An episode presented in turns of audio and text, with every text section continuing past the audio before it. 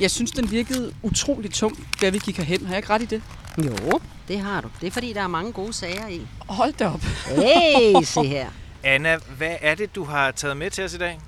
Det her er en øh, smørgåstårta. Ja.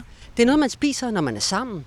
Og det er vi jo i dag, fordi øh, vi er i gang med at optage det første afsnit af Stjerner og Striber. Så jeg tænkte, vi skulle fejre, og vi skulle fejre med noget svensk, som er ret specielt, og jeg er meget spændt på at høre, hvad I, hvad I synes. Ja, jeg synes allerede, det ser meget specielt Ja, ud, jeg fordi meget jeg kan se skinke øh, med rejer ovenpå og laks. Mm. Det er nemlig en del af smørgåstårtans hemmelighed. Jag älskar Sverige och jag är stolt över att vara svensk. Danska straff för svenska brott. Sverige behöver en ny start. Vill du ha förändring, då är det nu det gäller. Velkommen tilbage til Stjerner og Striber, DR's internationale valgpodcast, jamen som den her gang er rykket over på den anden side af sundet. For om bare en måned, så er det jo svenskernes tur til at gå til valg.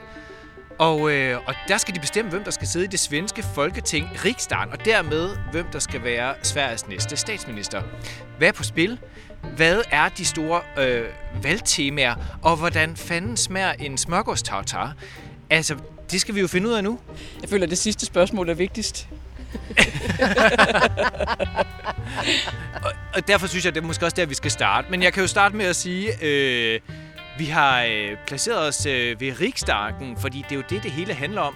Og her på podcasten har vi jo rystet posen øh, lidt, og vi har skiftet ud på pladserne.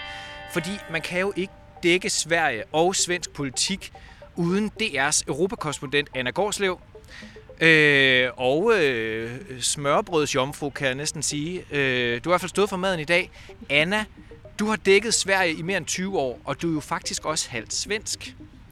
Føler du dig mest dansk eller svensk? Lige nu, når jeg sidder og kigger på smørgåstårtan, så føler jeg mig faktisk øh, dansk. Øh, og samtidig så er den en, en genvej til min barndom og dele af min ungdom. Jeg har spist den utallige gange med øh, min svenske øh, familie. Det er sådan, så i min familie har vi sgu aldrig været rigtig gode til at feste. I hvert fald ikke i den svenske del af den. Men i en overgang, så var vi rigtig gode til at dø. Der var mange, der døde, så jeg var til rigtig mange begravelser, og jeg forbinder den der frokostret, vi nu skal have om lidt, med øh, begravelser i det ene vestsvenske forsamlingshus øh, efter det andet. Så det er en streng øh, tilbage i mit liv. Så du synes, den passede til Stjerner Striber? Ja, det synes jeg faktisk. Okay. Også fordi det er stort set det eneste sted i verden, hvor man kan finde på at spise sådan noget som det her. Det er i Sverige. Anna, det er jo heldigvis ikke kun os to, der skal dele den her, fordi lige ved siden af, der sidder øh, korrespondent i Storbritannien, Tine Jersing Knudsen, som vi jo også er heldige at have fået med, med på holdet her. Øh, Tine, du dækker selvfølgelig Storbritannien og alt, hvad der sker derovre, og så hjælper du Anna med at dække øh, Norden og Sverige, øh, og du har selv været korrespondent for Norden og Baltikum oven i købet. Øh, Tine, det store spørgsmål, synes jeg, øh, udover hvordan øh, den her smørgårdstært øh, smager, hvad er sjovest at dække svensk eller engelsk eller britisk politik? Det er lidt ligesom at vælge mellem sine børn på en eller anden måde, øh, føler jeg. Altså, øh, jeg synes både svensk og britisk politik kan noget, altså, og nærmest lige meget. Så derfor er jeg så glad for den her øh, journalistiske smørgårdstårta, vi skal lave i det her program over den næste måneds tid. For det er jo det, vi skal. Vi skal blande nogle dejlige herligheder, som måske normalt ikke går sammen. Lige præcis. I øvrigt, øh, Tine, så er det jo faktisk ret heldigt, at du er med på holdet, fordi der sker jo et eller andet over i dit gamle øh, pastorat. Ja. Øh, det er jo et lederløst land i øjeblikket, øh, Storbritannien. De, øh, de fleste vil jo nok øh, kunne huske, at der er sket et eller andet med, at Boris Johnson han blev mast ud af Downing Street, efter han kæmpede til sidste blodstråbe, men, men han måtte jo øh, give op. Så Storbritannien skal have en ny premierminister, og øh, vi lader som om, at det er meningen, at vi skulle have talt om det øh, sammen, og det er derfor, vi har sat det her hold. Ikke? Altså, det skulle have handlet non-stop om Sverige, men på bedste britiske vis, som jeg var ved at blive lidt af, ikke? så kan vi ikke holde op med at tale om os selv. Så jeg har tænkt mig at blande lidt britisk politik ind i det, når jeg lige skal til London og passe biksen en gang imellem over den næste måneds tid. Hvis det er okay med jer. Det er så fint. Mit navn det er Lasse Berg Sørensen. Jeg er journalist på DR's udlandsredaktion og tilrettelægger ekstraordinære, vil nogen sige, her på podcasten. Men jeg har overtaget mikrofonen fra Stephanie Syryk for en stund, for øh, hun er gået solo for at rejse verden tynd for at lave tv. Øh, hvad hun helt præcist øh, render og laver, det kan man se til næste år på DR. Øh, men lige nu, så skal vi jo snakke om Sverige. Så skal vi ikke bare komme i gang? Jo, Magdalena Andersson till statsminister. Prøv at smage på løjerne her. altså det jeg kan se, det er lag af hvad der ligner toastbrød, der Mhm. udgør essensen af det her. Ikke? Det skulle godt se, Tine. Og, øh, og så kan jeg se mayonnaise op og ned ad kanterne. Altså det er ligesom på en lavkage. Det er jo en, en multikage. Forstået på den måde, at svenskerne er måske som det eneste folk i verden. Øh, dem, der synes, at det er en øh, knibbelgod idé at blande kød og fisk i en og samme mundfuld. Mm. Og det er det, der gør smørgårdstårtan så særegen. Øh, og den her har så ikke lever på steg øh, i, så det er jeg en lille bit smule skuffet over. Ja, det var fordi godt jeg nok har fået den Det var- rigtig mange gange. Jeg var meget skuffet også. Hvis vi lige skal sætte scenen her. Vi har jo placeret os øh, på et lille øh, græsstykke på et picniktæppe. Øh, som de eneste kan jeg se her, men det gør ikke noget. Vi sidder foran øh, riksdagsbygningen. Den vej til den anden side, der har vi kongeslottet. Til højre, der har vi regeringskontoret, hvor øh, statsministeren øh, arbejder, og lige ved siden af øh, embedsboligen, hvor statsministeren bor. Så det er jo ligesom magtens centrum, vi har valgt at kickstarte mm. den her nye omgang stjerner og striber på. Jeg spiser altså nu. Nu skal jeg smage Ja. den her. Ja. Det har været en lang opbygning altså, Ja. til at få den her Ja. ja. frem. Og det, øj, det er et godt lag mayonnaise, vi har nede imellem. Ja. Okay. Hold da kæft. Mm-hmm. Jeg er lidt overvældet. Jeg prøver den også. Jeg tror, jeg skal... Vi skal også den, ja. Ja. ja. Anna, udover at den er øh, meget svensk, den her ret, øh, og bliver brugt til festlige lejligheder, så er der jo også en anden grund til, at vi skal have den i dag. Jamen det, altså, det er jo fordi, at den siger i sin mærkværdighed så meget om, øh, om svensk politik i øjeblikket. Og det her valg, ikke? Fordi at vi kan jo godt blive enige om, at skinke, rejer, laks, leverpostej, det passer jo ikke sammen. Det skal jo ikke blandes sammen i en og samme mundfuld. Men det er ikke desto mindre sådan svensk politik er konstrueret i øjeblikket. Og det gælder begge sider af riksdagen. Og det vil være lige meget, hvem der bliver statsminister efter valget, så skal vedkommende prøve at få skinke, laks, rejer, leverpostej til at passe sammen. Det her er jo, for at sige det lige ud, det er jo en miskmaskret. Der er sgu da en grund til, at man kun spiser den her i Sverige. Det vil jo aldrig blive en eksportvare. Sverige kan bli bra igen. Sverige ska bli bra igen. Nu når vi er med den her mærkelige blanding af, af kød og fisk, så sagde du tidligere, øh, Anna, at øh, det svenske svar på en folkelig makralmad for en politiker, det er en hotdog med rejesalat på. Mm-hmm. Og det spiser Magdalena Andersson. Det er Magdalena Anderssons yndlingsmad, og det er jo den svenske motsvarighed, den svenske pendant til makrel i tomat. Nu hvor vi, vi sidder herinde midt i magtens centrum, øh, lige over for rigsdagen, som det hele handler om, så synes jeg, at øh, det kunne være meget godt at få, øh, få slået valgets to hovedpersoner fast. Altså lige at, at gøre lidt ud af dem, ikke, for at komme godt i gang. Og øh, den svenske øh, makralmads moder, øh, Magdalena Andersson, den siddende statsminister Anna, hvem er hun? Hun ligner et, øh, når du ser på hendes CV, altså et menneske, hvor der er flueben i alle de bokse, som fører til øh, toppen af det socialdemokratiske parti. Medlem af SSU, den svenske pendant til DSU, øh, god uddannelse, økonom, Harvard, øh, masser af politiske jobs. Hun har været rådgiver for tidligere statsminister Jørgen Persson. Hun har været finansminister i masser af år. Altså en karrierevej, som fører lige derhen, hvor hun sidder i dag. I hvert fald, når du ser på det udefra. Altså en karrierepolitiker simpelthen. Ja. Ja. Kan svenskerne godt lide det? I- De har i hvert fald ikke sådan specielt meget øh, imod det, og, og man kan sige, hun, i, hun virker jo meget sådan kontant, lige ud af landevejen, ikke så meget pis. Og i Sverige er kedelig ingen hindring. Det er okay at være kedelig. Især lige nu, hvor situationen er, som den er, hvor problemerne er så store, som de er, så har man slet ikke noget imod at, øh, at have en i, øh, i, øh, i toppen af landet, eller for, i spidsen for regeringen, som måske ikke er noget øh, festfyrværkeri. Det gør sgu ikke så meget. Hun gør også rigtig meget selv ud af at være en, der godt kan lide at få tingene gjort. Så hun brander sig selv som en effektiv, no-nonsense dame, der bare kører derudad, som kan få tingene til at ske.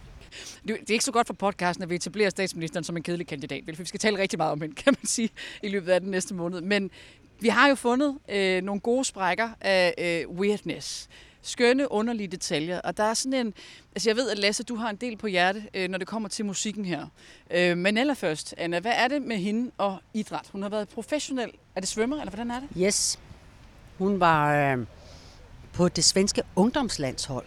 Så hun er, må man formode, hun er rigtig god til at svømme. Det ved jeg ikke, om hun stadigvæk er, men det var hun i hvert fald, da hun var ung. Ja. Og hun Ja. fik smag for at konkurrere, så jeg tror også, det måske kan være med til at give hende noget sådan politisk brændstof, mm. der har måske gjort, at hun sidder, hvor hun gør i dag. Hun er i hvert fald et, øh, hun er i hvert fald kendt for at være et konkret, handlingsorienteret øh, menneske, som bestemt ikke er blottet for humor. Det er bare ikke særlig tit, hun deler den med alle os andre.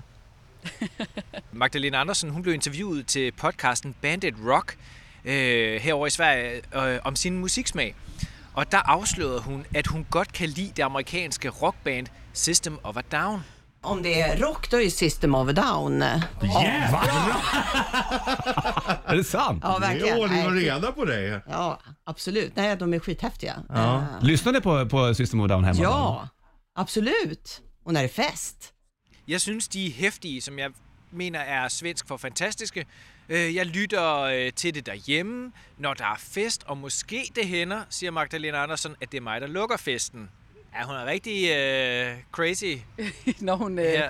slår sig løs. Jeg lå også mærke til, at, øh, at de nævnte øh, værterne, at øh, Stefan Löfven, den tidligere socialdemokratiske statsminister, han havde afsløret, at hans favoritkunstner naturligvis var Bruce Springsteen. Og der er jeg altså noget lettet over, at Magdalena Andersen hun ikke hopper i øh, klichéernes grøfte. Er, ikke? Altså, det er for socialdemokratisk, er det ikke? Hvad fanden er der galt med Bruce Springsteen? Intet, jeg elsker ham. Jeg er Altså. vild med øh, melankolske mænd med dybe stemmer og en guitar. Det har jeg, ja, altså, og det skal vi jo dykke lidt længere ned i her, hen over den næste måned. Altså, ja, vi, vi er jo lidt besat af musik alle tre i det her øh, I arrangement. svensk musik især. Svensk ikke? musik især. For dem, der har glemt, hvem System of a Down var, øh, så var det sådan et øh, start nuller, lidt hårdt øh, metalband. Og øh, lad os høre øh, Chop Suey her. Wake up! Wake up! Grab and put a little makeup. I discuss the fade away the shake up. Why'd you leave the keys up on the table? Here you go, create another fable. You wanted to. Hey, det der, det er da bulldozer-musik. Fordi Magdalena Andersen bliver jo kaldt bulldozeren. Hun har ry for at have et hæftigt temperament. Hun har ry for at have en tålmodighed, som måske ikke er verdens længste. På den anden side, så er der også mange svenske kvinder, der siger, prøv at høre her, det er da bare noget, I siger, fordi hun er kvinde, det er patriarkatet, der taler. Øh, er det ikke i orden at være kontant og være handlingsorienteret, og en gang imellem sige, nu gider jeg ikke mere pis, bare fordi man er kvinde. Jeg kan ikke lade være med at tænke på, da hun blev stemt ind som øh, statsminister for anden gang, øh, så fik hun ved den efterfølgende pressekonference det ene spørgsmål efter det andet, som alle sammen var variationer over, sikkert noget, og sikkert noget råd, og hvordan skal det hele dog gå, og hvordan vil du overhovedet få noget øh, gjort i de kommende måneder, og sig mig en gang, og puha. Og så siger hun på et tidspunkt, prøv at høre her, nogen måste jo være statsminister i det her landet. Altså, nogen skal jo lave arbejdet. Mm. Og det tror jeg indrammer hendes øh, personlighed meget godt. Altså, jeg, jeg, jeg føler i hvert fald, at øh, hvis der kører Chop, Chop Suey, eller hvad den nu hedder, den her sang, det, ikke? det, var det, den hed, lad os Jo, det var den, vi fik. Øh, System of a Down inde i statsministerkontoret, når man bliver inviteret ind til forhandlinger, så er det sgu en lille smule øh, frygtindgydende, ikke? Altså, det kan være, det er en god taktik. Altså. Men svenska folket ser jag fram emot att kämpa för Sverige. I det andet ringhjørne har vi Ulf Christensen, 58 år, formand for Moderaterne siden 2017, og han vil også gerne være statsminister. Han vil rigtig gerne være statsminister. Øhm, og øh, har jo sådan set allerede været i gang med at, øh, at prøve at tage lidt, lidt af æren. Nu, om lidt, nu er vi ude på, på underdrivelsernes øh, overdrev øh, igen her. Men, øh, men det er jo sådan, at øh, i foråret, da jeg er her faktisk sådan lige oppe på trappen her for at dække, at, at Sverige og Finland nu endelig siger, at de vil med i, øh, i NATO, står deroppe og venter på den svenske konge, kommer ridende med den finske præsident. Den dag, der sender øh, Ulf Christensen en kampagne ud på alle sociale medier, hvor der står endelig efter flere årtier, så har jeg, og måske sagde han Moderaterne jeg, jeg kan ikke helt præcis huske det. Same, same. Jeg føler, det var jeg sørget for, at øh, Socialdemokraterne har skiftet mening, og vil nu komme med i NATO. Så han er ikke bleg, til, øh, altså bleg for at tage æren øh, for, for, for nogle ting. Det var hverken Putins skyld eller nogen anden. Det var Ulf Christensen.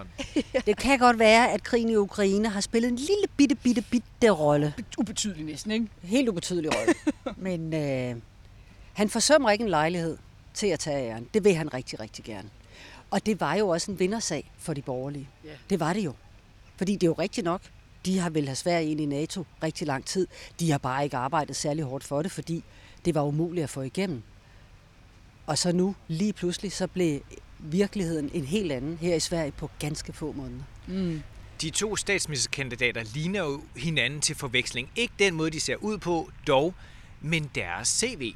Ja, altså jeg øh, har nærmest ikke brug for at lave en intro til den mand, for jeg kan bare låne din fra, fra Magdalena Andersson, øh, Anna. Altså, øh, uddannet øh, civiløkonom økonom er han, øh, Ulf Christensen, øh, og så øh, er han jo også en, øh, en tidligere øh, elite-gymnast. Så han er også en mand, der er meget glad for sport, og så er han jo også en mand, som, som er lidt kedelig, ikke? og lidt ordentlig. Vil du Det- ikke sige det? Åh, oh, hvis jeg skal være helt ærlig. Det er, det er han sgu. Mellem os tre. Mellem os tre. I dette lukkede forum. Kedelig og kedelig, men han kan enormt godt lide, og han gør meget ud af, at vise omverdenen, at han er, hvor sund han er, hvor hurtig han er til at løbe, hvor god han er til at øh, lave skruer fra badebroer. Så vi får vel se nu om muskelminnet fra gymnastikken fortfarande sitter kvar i kroppen. Det, det som øh, jeg synes var fantastisk ved, at vi skulle mødes her, det var, at jeg, jeg vidste ikke noget om øh, Ulf Christensens lægmuskler inden, men jeg kunne høre på dig, Lasse, at du var faldet ned i et kaninhul, øh, du nok skulle hjælpes op fra, fordi Tak. at øh, hvis man, hvis man øh, googler Ulf Christensen, så kommer de der lægmuskler bare op øh, øverst i søgningerne. Han øh, blev interviewet om sin læge til den svenske tabloidavis Expressen. Øh, og der sagde han sådan her. Min mamma hade imponerande vader med tanke på sin kroppsstorlek i övrigt. Och sen har jag varit gymnast i väldigt många år. Och som gymnast så tränar man inte minst vaderna väldigt många hopp. Min mor havde imponerende store læge i forhold til sin krop, og så har jeg været gymnast og trænet læggene rigtig meget. Han, er, øh, han gør utrolig meget ud af de læge, og hvis jeg var hans spindoktor, det er jeg så ikke, men jeg vil nok råde ham til at lige slappe lidt af med dem i den kommende tid. Pak dem lidt væk en gang imellem. Fordi at de er blevet skamredet øh, den Ja. ja. seneste måned. Øh, især her i sommerferien, hvor man ofte går i shorts, øh, der lægger han altid noget op på Instagram, der handler om de der forbandede læge. Øh, han nævner dem i tide og i utid, og han bruger dem også som et politisk aktiv, netop for at sige, jeg er i så god form, jeg kan godt gå den ekstra mil for at øh, blive Sveriges næste statsminister. Jeg har det, der kræves. I statsministeriet i øjeblikket, der, der ryger der så vred øh, 90'er rock øh, ud gennem højtaleren. Øhm, hvis Ulf Christensen flytter ind i stedet, så er det øh, andre boller, der kommer på suppen. Og øhm, det kommer måske bag på nogle, at en mand i midt-50'erne, øh, han vælger denne her type musik øh, som sin favoritmusik, men det har han altså gjort. Øh, skal vi bare lige høre det først? Shake, shake, shake. Shake Tine, du er jo lige så stor Taylor Swift-fan, som Ja. Ulf Christensen til synlædende er, og det er dig, der har fået lov at vælge det her nummer. ja, og det, det er måske lidt... Øh, altså, men det er fordi, hvis jeg forestiller mig en ting som, som partileder, når du gerne vil udfordre den siddende regering, og du skal i valgdebat, du skal have nogle tæsk i valgkampen, så har du brug for lige at shake it off øh, en gang imellem. Så jeg kan godt forestille mig, at det er sådan en, der, der ligger rimelig langt på, op på listen af hans mest afspillede numre i øjeblikket. Det, det, det biler mig ind. Hvordan vil Ulf Christensen så slå Magdalena Andersson her til valget? Altså, hans bedste kort er, at han ikke har haft magten de seneste otte år. At det er på Socialdemokraternes vagt, at øh, den udvikling, som alle er så optaget af, som vi har talt om med kriminalitet, med øh, parallelsamfund, at den er løbet fuldstændig løbsk. Hvis ikke han kan vinde et valg, efter otte års socialdemokratisk styre med den udvikling, vi har set de seneste otte år, så kan han ikke vinde et valg. Så hvis ikke han bliver statsminister her i september, så skal han nok se sig om efter et andet arbejde. Han skal være personlig træner og lære Ja. folk at forstå, hvad lægmuskler ikke er. Præcis. Ulf Christensons akilleshæl, Ulf- Christensons store svaghed er, at han har lukket Sverigedemokraterne ind. Ikke helt i varmen, men han har lukket dem ind til forhandlingsbordet. Og lige meget hvad der sker, så vil det for altid være hans politiske arv. Om han så vinder eller taber det her valg, han vil være manden, der åbnede døren for Sverigedemokraterne. Og i mange svenske vælgeres øjne, så er han også manden, der på den, der dermed har åbnet døren til helvede. Mm. Og Sverigedemokraterne er jo det her parti på den yderste svenske højrefløj, som i et, alle år har været persona non grata inde i rigsdagen. Ja, det kan du, det kan du tro. Altså man har jo øh, indtil nu i rundtal lavet som om, at de 62 mandater, som Sverigedemokraterne fik ved sidste valg, som om de ikke eksisterede. I hvert fald, når der skulle dannes øh, regering og indgås øh, brede forlig, for realiteten har faktisk været, at man har forhandlet med Sverigedemokrater, indgået forlig med dem øh, på i, i ganske almindelig hverdagspolitik. Det er bare ikke noget, nogen nogensinde har øh, talt højt om, fordi øh, det var ikke rart. Men det at åbent sige, okay, vi kan ikke, øh, hvis vi skal være andet som borgerlige, altså Ulf Christensen, hvis han skal være andet end bestyrer af en borgerlig tænketank, som tilfældigvis har kontor i den svenske rigsdag, så skal han bruge Sverigedemokraterne. Sådan er det bare. Mm. Øh, du har jo dækket, går jeg ud fra selvfølgelig, både det ene og det andet øh, forlig, hvor de er blevet holdt ude af alle de andre partier i den svenske rigsdag. Altså, det er jo, det er jo, det er jo ret vildt at gøre i nordisk sammenhæng, og simpelthen lukke et parti ude på den måde. Hvor, hvor, hvor kontroversielt er det at sige nu, synes du? Altså, at man lukker dem ind i varmen? Meget. Stadig? Ej, ja, ja, er du sindssyg. Helt vildt. Helt vildt. Prøv at lægge mærke til, hvor mange gange I hører udtrykket en blåbrun, højrekonservativ regering. Blåbrun, blå, fordi de borgerlige er blå, brun, fordi det er Sverigedemokraterne, fordi det skal få os til at tænke på støvletrampet tilbage i 30'erne. Brun skjorte. Nazikortet, det sidder løst her i landet. Og bare lige øh, sådan en, en, en sidebemærkning her, Anna, øh, fordi det talte vi om tidligere, nemlig at det er jo også ret interessant, at han jo faktisk kom til magten i Moderaterne, Ulf Christensen, fordi hans forgænger blev væltet på at sige, hun ville lukke Sverigedemokraterne ind i varmen. Og nu ender han med at gøre det samme. Ja, og der skulle jeg hilse at sige, at der var ingen opbakning til Moderaternes daværende leder, Anna Schimberg Bartra fra Ulf Christensen dengang. Nej, nej, nej, nej. Han var rystet, han var forarvet, det var skrækkeligt, og sig mig engang, hvad pokker har du tænkt dig? Øh, klip til ganske kort tid Ja. ja. efter. Ja, så er det altså ham, der står som afsender af den beslutning. Jeg er ved at være mæt. Jeg har faktisk en Er lille det- smule kvalme, må jeg gerne indrømme det. Ej, nu skal jeg ikke sidde og fornærme øh, Så kan I de lære det. rødder. Vi siger tak til riksdagen. Og tak for øh, magnæslag, Anna. Selv tak, skulle det være en anden gang? Nej, det skal det ikke. Det är klart att just eh, vader att eh, kunna gå en extra mil eh, för att vinna ett val. Vi har pakket pikniktæppet sammen. Vi har forladt det centrale Stockholm, magtens centrum, og taget ud i det, man vel sagtens kan kalde centrum for den her valgkamp. Det er rigtigt. Vi er 15 km sydvest for Stockholm i øh, bydelen Vorberg. Øh, en af de mange, som vi siger, vil sige på dansk, ghettoer, bydele i Sverige kalder man det udsatte områder, øh, som ligger i Stockholm, Göteborg, Malmø, alle mulige steder i Sverige. Og grunden til, at vi lige i dag kørte her til Vorberg, det er fordi øh, i går aftes sent, ja, der var der en ung mand, der blev dræbt af skud lige her, hvor vi står. Vi har udsigt til lys og lidt blomster. Der er ikke mange, men de er der. Ja, det er jo faktisk det eneste spor, der er tilbage af det her drab. Øh, vi fik at vide fra øh, Riyad øh, fra Irak, der bor inde i opgangen her, så ved siden af ham talte vi med for et øjeblik siden, at der havde været politi til, til klokken 4 i nat, eller, eller noget i den stil. Men, men ellers så er, altså, det er jo ikke et, et community, det er jo ikke et område her, der er lammet af frygt. Det er måske også fordi, det er ret almindeligt med de her skudepisoder.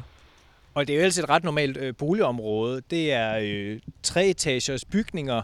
Vi står lige ved siden af en øh, lyserød malet legeplads. Det er jo her, folk bor, og her folk lever. Og det er her, de kriminelle bander, øh, de også holder til. Og det er også derfor, at vi hører Sveriges øh, siddende statsminister Magdalena Andersson sige som det første og det vigtigste, det hun vil gøre, det er at knække gängen, altså smadre banderne. Idag kommer jag att presentera nya förslag kring hur vi arbetar för att knäcka gängen och få ner brottsligheten. Riyad vi løb ind i lige før, Han fortalte os, at han hørte det her skud, eller de her skud, som den unge bandemedlem, som vi Mm. mm. antager det er, blev ramt af i nat. Det er rigtigt, og vi har vel også en vis grund til at antage, at det, at det var et bandemedlem, fordi det er i hvert fald de toner, der lyder fra øh, politiet. Og han, Riyad, han reagerede, som rigtig mange en, øh, beboere reagerer i sådan et område. Han hører skuddet, men han, som han sagde til os, jeg skulle ikke hen til noget vindue, jeg skal ikke ud og kigge, fordi det kan være farligt. Jeg blander mig fuldstændig udenom. Mm. Og grunden til, øh, det er ikke kun volden øh, i, i de her ghettoområder, der gør, at det er en central del af valgkampen. Det er jo sådan set også den sammensætning af folk, der bor her, øh, som de svenske politikere er begyndt at, at interessere sig for. Her øh, var det lige over 70 procent, der har udenlands baggrund i Vorberg, hvor vi sidder nu. Øhm, og, og sådan er det mange andre steder i Sverige. Og det er simpelthen fordi, at svenskerne øh, og, og indvandrerne, de ikke bor sammen. De bor enormt opdelt. Det, man på svensk kalder segregation. Det er et svært ord at sige for os på dansk, fordi vi faktisk ikke rigtig bruger det øh, på dansk. Men de siger det hele tiden herover. Det gør de I deres politiske taler. Mm. Segregation, segregation, segregation. Men det dækker over, at øh, svenskerne, gammelsvenskerne, især de mere velhavende af dem, øh, de bor et andet sted end her. Øh, en gang boede her svenskere, som Riyad fortalte, da han flyttede til området for 20 år siden, ja, så havde han svenske naboer. Øh, nu har han set den ene flytte efter den anden igennem årene, og nu har han én svensk nabo tilbage. Og det er et, et billede, der går igen overalt i Sverige. Svenskerne er flyttet, indvandrerne er rykket ind. Vi har jo set, hvor svenskerne jo nok befinder sig. Vi er jo kørt forbi den ene øh, marina med kridhvide løsbåde, liggende i skærgårdene, golfbaner, øh, lækre øh, rødmalede sommerhuse.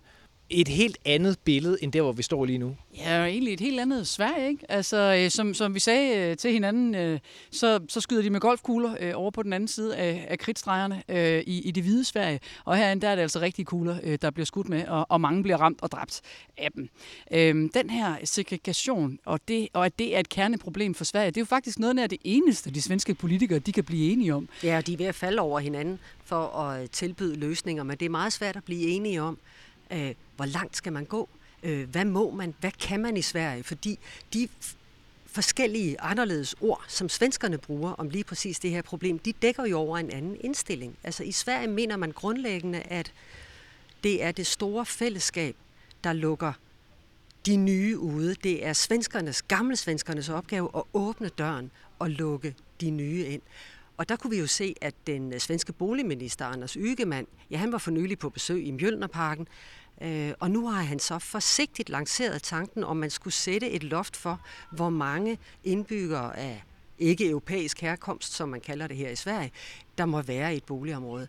Det skal jeg love for, at han har fået røg for. Han er blevet racist, kaldt racist, og det der er meget værre. Ja, racist, nazist, alt ind imellem os, skulle Ja, jeg lige det til er at et kort, sige, der sidder løst i det, det gør det land. bare. Det bliver, Ja. det bliver kastet rundt, øh, altså for godt befindende. Øhm, og det, der er sjovt ved det, at, at Anders Ygemann, integrationsministeren, han tager til Danmark for at kigge efter løsninger. Det er jo også, altså det var helt utænkeligt for få år siden. Jeg vil sige, der omkring øh, flygtningekrisen i 2015, da jeg rejste meget rundt i sådan nogle områder som Vorberg, som vi sidder i her, altså der var Danmark jo et racistisk land, og det sprog, jeg havde, altså når jeg sagde, hvad, hvad så med den her ghetto, altså det var jo helt på morgen. Det var fuldstændig uacceptabelt, ikke? Det er der stadigvæk mange svenskere, der synes, at Danmark er. Men det, der er den afgørende forskel ved den her valgkamp, er nemlig, at svenske toppolitikere, ministre, partiledere fuldstændig åbent siger, det kan være, at Danmark har fat i noget. Lad os prøve at se på, hvad de gør. Kan vi lære noget af Danmark? Det er nye toner i forhold til før. Og det kommer faktisk helt konkret fra Ulf Christensen, altså Moderaternes leder, ikke? som vi hørte her den anden morgen sige, vi skal have øh, dansk straf på svenske forbrydelser. Alltså danska straff för svenska brott brukar jeg sige. Vi skal simpelthen have danske tilstande i Sverige. Det er det, han gerne vil have. Ja, det er altså lidt af en god vending. Det er nye Øh, toner. Ja, det må man sige. Det, det bare clasher med, det er en, en, øh, en modløshed, jeg oplever hos rigtig mange øh, svenskere, både dem, som er kommet her til landet, og også svenskere, gamle svenskere kan vi vel kalde dem. Der er så mange mennesker, som er bange for, at det, den her udvikling er gået for langt. Både den udvikling, der handler om øh, drab, om vold øh, og øvrig kriminalitet, øh, det vi i Danmark kalder parallelsamfund, det, vi, det som man så her i Sverige kalder udsatte områder, at det simpelthen er gået for langt, at det ikke er muligt at vende den udvikling, så der er en alvor over det her, som jeg ikke rigtig har oplevet før. Der er en pessimisme og en alvor og en, en modløshed eller en tvivl på, om det overhovedet går, om det overhovedet er muligt at vende den her udvikling. Og vi hørte jo egentlig øh, uh, Riyad gentage det, uh, lige inden han skulle ind og lave mad til sin kone. Uh, han havde travlt. Uh, ellers så havde han budt os på te, tror jeg, han var ved. Uh, men, men han sagde jo, at uh, der var en enkelt svensker tilbage i opgangen. Ellers havde han set alle de andre flytte. Det var den ene ting, der var, øh, som jeg sådan synes var bemærkelsesværdigt i det, han fortalte os. Det andet, det var den her øh, opgivenhed, han havde over for politikerne. Han, han stolede jo ikke på, at der var nogen af dem, der kunne gøre noget ved problemerne. Og det lød ikke som om, at han havde tænkt sig at stemme ved valget, på trods af, at Sverige står i de her kolo enorme problemer. Og han er svensk statsborger, han har ret til det. Men han tror ikke på, at politikerne kan gøre noget, øh, der gør, vil gøre nogen som helst forskel. Det eneste, han ønsker sig, det er overvågningskameraer. Og det har i sig selv været en kæmpe debat her i Sverige. Må man sætte overvågningskameraer op i udsatte områder? Er det racistisk? Ja, han vil gerne have kamera, og så vil han gerne have lidt færre bænke her i gården, vi står i nu. Faktisk så bad han os om, om vi kunne være med til at flytte den her bænk, der er linket fast. Fordi han synes, det er træls, de sidder her og hænger ud, de her bandemedlemmer. Ja, han sagde helt specifikt, at øh, ham, der var blevet skudt øh, i går aftes, det, den, den øh, kriminelle gang, øh, bande, han øh, hører til, de sidder tit og larmer dernede på de to bænke. Så, så vi prøvede at løfte op i dem, men vi blev enige om, at det var nok lidt for, for risikabelt. Det var øh, simpelthen fordi- for tungt for Det var os simpelthen for tungt. Jamen, Vi jeg kunne risikabelt over for ryggen. Altså, jeg ikke. Hvis I havde nogle lidt større lægmuskler, så var det nok øh, Ulf gået kunne have gjort det. Det kunne han sikkert. Altså, det er sådan. Ulf klarer problemerne. Sverige är fantastiskt. Noget siger mig, at vi kommer til at snakke meget mere om ghettoer, udsatte områder og bandekriminalitet øh, i de kommende programmer. Men nu skal vi øh, til at runde af, fordi Tine, du skal hjem til Storbritannien. Ja, jeg er nødt til lige at passe mit øh, dayjob, øh, som man siger, øh, og, og holde, lidt, øh, holde dem lidt i ørerne derovre, fordi de forsøger jo at vælge en ny øh, premierminister. Og det, det skal vi lige have lidt styr på, inden øh, jeg kommer tilbage til jer igen, som jeg glæder mig rigtig meget til, øh, og, og dækker videre på øh, det, det svenske valg. Anna, hvad skal du? Jeg skal på reportagetur rundt omkring i Sverige. Det skal jeg stort set være sådan i rundetal indtil valget. Men vi snakkes jo ved næste uge, og for at høre om, hvad der er sket i Sverige og i Storbritannien. Det er en balancegang, som hvis nogen kan, så er det også her på Stjerner og Striber. Præcis, ikke? Vi bliver nødt til at slutte med et stykke musik. Et stykke svensk musik. Og kan vi andet end at høre noget ABBA? Nej, det synes jeg ikke. Altså, nu hvor vi startede med, med noget så svensk som det der mayonnaisebjerg, øh, mayonnaiselavkagen, øh, som jeg konsekvent har tænkt mig at kalde den fra nu af, så kunne vi jo stand slutte med lidt, øh, lidt ABBA. Og der er faktisk et øh, ABBA-nummer, som meget, meget elegant fører os lidt ind i britisk politik, og det er The Winner Takes It All. The Winner Takes It All blev simpelthen spillet i Downing Street og spiller en hovedrolle i den her festskandale, der huserede britisk politik, som altså var den største årsag til, at Boris Johnson måtte gå af, og at Storbritannien er lederløst i øjeblikket. Vi ses næste uge. Vi ses. Vi ses. The winning